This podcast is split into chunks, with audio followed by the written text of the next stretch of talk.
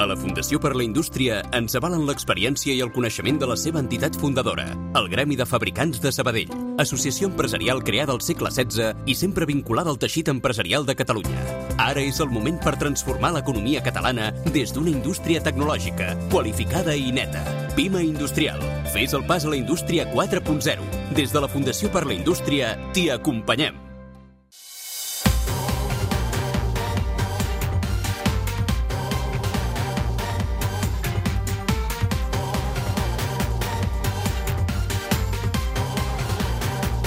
Masterclass Becerra, amb Santiago Niño Becerra. déu nhi avui no baixem el llistó del programa perquè arriba un altre crac, l'economista Santiago Niño Becerra, avui en trident de luxe al Revolució 4.0. Santiago Niño Becerra, ben tornat una altra setmana al Revolució, com estàs? Què tal? Bona nit. Bé, molt bé. Uh, doncs escolta, ens hi posem, no? Com a, de, moment, aquesta setmana, pel que fa a l'economia, tot bé? Tot tranquil? Mai, no? Bueno, relativament tranquil, perquè ha sortit la dada d'inflació eh, i la inflació subjacent mm, baixa, però molt lentament. Eh, estem al mateix nivell que estàvem al juliol del 2022.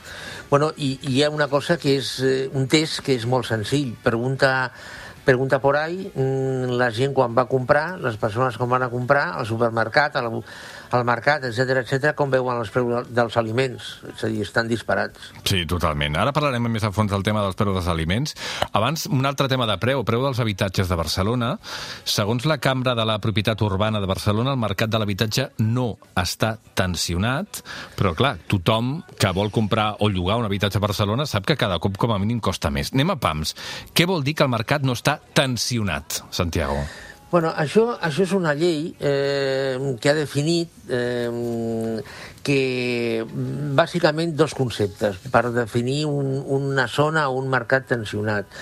Primer, quan eh, el, el preu, eh, o sigui, la quota hipotecària o bé el lloguer, mm, no supera el 30% de la renda mitja de la zona, de la ciutat, de la, de, bueno, de la comunitat. Eh, I en segon lloc hi ha un altre, un altre paràmetre que és que a l'IPC eh, de, o, o millor dit que l'increment de, de preu de l'habitatge mm. no hagi mm, sigut més elevat que 3 punts de l'IPC de la comunitat. Mm, bueno, mm, el, el, problema, el problema dels criteris és que mm, són de caràcter general eh, i, i per tothom. És a dir, aquesta llei eh, és una llei eh, d'aplicació mm, nacional. I el, el, problema, eh, el problema és que, mm, evidentment, no és el mateix la Bisbal de l'Empordà, la situació a la Bisbal de l'Empordà, que a Barcelona. Mm, és a dir, no, no, no té res a veure. Eh, I això, això per una banda. En segon lloc, les mitges estan molt bé, però mm, com a... Com a eh, és a dir, mm, com, per veure tendències. És a dir, si tu tens 25 mitges de 25 mesos o de 25 anys, doncs, bueno, pots elaborar una tendència. Però per prendre decisions, per mi, les mitges no són correctes perquè a la mateixa, a la mateixa mitja de renta, en aquest cas, estàs posant la, la, la renda d'un senyor que viu a Tres Torres i la, i la renda d'un senyor que viu a Trinitat Vella. Sí, sí. I, I llavors, clar, això és molt distorsionant. Jo, jo crec que aquest tipus d'anàlisi es tindria de fer per barris. Em, es tindria de fer per barris eh, atenent a la mm, situació, renda, preus, eh, IPC de cada barri, que, eh, que avui dia, amb la tecnologia que hi ha i amb totes les dades que tenim, es podria fer. Eh, El que passa que no interessa fer-ho aleshores d'aquesta manera, no? Si es pot fer i ningú ho fa... Bueno, ll- llavors, això és un altre tema. Ah. Ah. Llavors, és, és, és el mateix que van parlar en el seu moment amb el salari mínim, amb la pujada del salari mínim. No, el salari mínim puja igual a tot Espanya, però no és el mateix el nivell de preus de Sant Sebastià que de Jaén. Clar. Mm, ll- Llavors, mm, vull dir, no. Eh, eh, Això, d'alguna forma, és, és fer-se trampes al solitari. Eh, I, a més, això ha passat en un any electoral, eh, en el qual pues, no pues, s'interessa donar una imatge, però jo crec que és totalment incorrecte. Al marge que, que passa una altra, una altra cosa, i això mm, està arxidemostrat. A la que tu limites per llei eh, algú, mm, el preu d'algú, l'oferta d'aquest algú baixa. Això, perquè, bueno, per què? Perquè estem en el sistema capitalista. Uh -huh. Llavors, el que, el que té el bé o el, o el servei, si tu li limites, diu, bueno, pues vale, pues, em tiro cap enrere eh, i no venc, no produeixo, etc etc. Com l'única forma de baixar el preu de l'habitatge, i aquí ho hem parlat diverses vegades en el programa, és eh, que hi hagi una oferta de vivenda pública de lloguer. Uh -huh Sí, sí, ho has dit no hi ha una altra. Sí, sí, sí. No, no hi ha una altra via. Tot el que més són pedaços, és a dir, són mm, eh, mm, eh, eh, arreglos que no, no, no condueixen a res. Abans parlaves del preu dels aliments, tots constatem que cada vegada que anem al súper uh, amb sorpresa, quan arribem a la caixa dius, mare de Déu, escolta'm, aquests diners fa un any comprava moltes més coses, però hi ha hagut una informació també d'aquesta setmana que ens ha creat una mica l'atenció perquè eh, hi ha productes com, per exemple, fruites o les hortalisses que costen set vegades més que el que cobra el productor. És a dir, que si jo faig enciams i els venga un distribuïdor i finalment es ven al súper eh, per, una, per una diferència que és d'un 600% més, que és molt. Com es menja aquesta barbaritat, bueno, si permets el joc de paraules? A, a, això a, això també eh, s'ha d'anar en compte. Mm, a, això també s'ha eh, elaborat aquesta dada a través de mitges eh, jo, jo estic segur que aquesta diferència no és la mateixa a Reus que a Girona, mm. convençut, no és la mateixa diferència. Ah, això per una banda.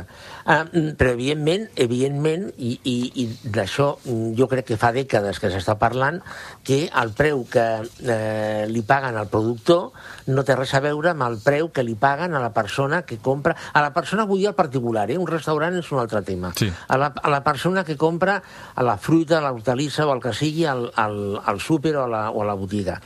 I, bueno, a, a, agafem com a bona la dada que has donat. És a dir, mm, m'és igual que sigui Catalunya, Espanya o Noruega, m'és igual.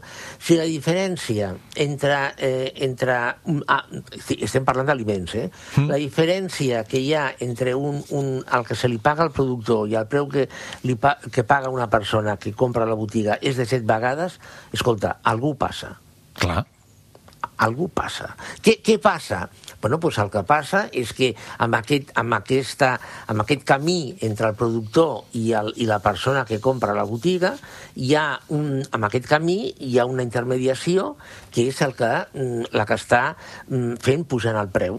Clar, i, la, i perdona, la pregunta que ens hem de fer és si, si això és just en el sentit estricte del, de l'intercanvi econòmic que hi ha. Vull dir... Bueno, si, si aquest sobrecost és imprescindible perquè allò arribi mm, al supermercat o a la botiga, doncs no podem fer-hi res, però potser hi ha algun punt especulatiu no. pel que mig, no ho sé. Bueno, és que jo vaig més enllà, sí que podem fer. És a dir, jo, jo el que dic, el que dic Després ho, ho, ho, ho ampliem. Eh? Jo el que estic dient és que si la diferència entre el que se li paga al productor i el que paga la persona que compra el coombra o el que sigui és de set vegades, algú passa. Mm. És, a dir, és a dir, si hi ha una especulació, si pel mig hi ha una pura especulació, bueno, evidentment hi ha, hi ha sistemes per evitar-la, que és, per exemple, crear cooperatives que, eh, de producció-distribució i que el, el mateix productor o a la mateixa cooperativa de productors s'encarreguin de la distribució. Evidentment, això implica una organització, una inversió, etc etc. I si, bueno, ha de ser així perquè no hi ha una altra via, eh, és a dir, perquè, perquè hi ha uns increments de costos, etc etc, eh, eh, s'ha de Eh, implementar la tecnologia, mm, la logística o el que calgui per reduir aquesta diferència. Perquè, és a dir, mm, és, és, dolent, és dolent que aquesta diferència de 1 a 7 se'l mengi, se la mengi algú. Aquesta diferència, eh, això és, això és dolent, que sigui, que sigui el, el, aquesta diferència. Però si és un, un imponderable, és a dir, mm, si aquesta diferència no és per ningú, és només cost puro i duro, Hòstia, això, això, això és terrible, tu. És, és, estem llançant diners per la finestra. Totalment, tu. totalment. Escolta, acabem, que ens queda només un minutet, però una última, últim tema que volia tractar és uh, la proposta que ha sortit davant d'aquesta crisi econòmica de, de, de fet s'han signat uh, uh, un milió de signatures per fer que, o per intentar que els, els rics paguen un impost diferent, que paguin més diners, no? Uh, com ho veus això? Els que tenen més diners han de pagar més pel simple fet que tenen més diners? Bueno, jo, jo, eh, jo crec que abans de fer aquesta pregunta hem de fer, un, hem de fer una altra pregunta. Mm -hmm. Per què no es persegueix, però de veritat, el frau fiscal? Ok. Eh, és a dir, mm, a, a Espanya, segons mm, estimacions que s'han fet, el frau fiscal anual, el frau fiscal anual eh, oscil·la entre els 60 i els 90.000 milions d'euros. Wow. Entre el frau i la il·lusió fiscal. Eh, a, a Alemanya, per exemple, és menys, però també és, eh? és un 3% del PIB, uns 30.000 milions d'euros. Mm, però d'això es parla molt poc. Eh, jo, el que dic, és a dir, jo, jo no estic qüestionant si el risc, els rics han de pagar més o no. Jo, jo no estic qüestionant això.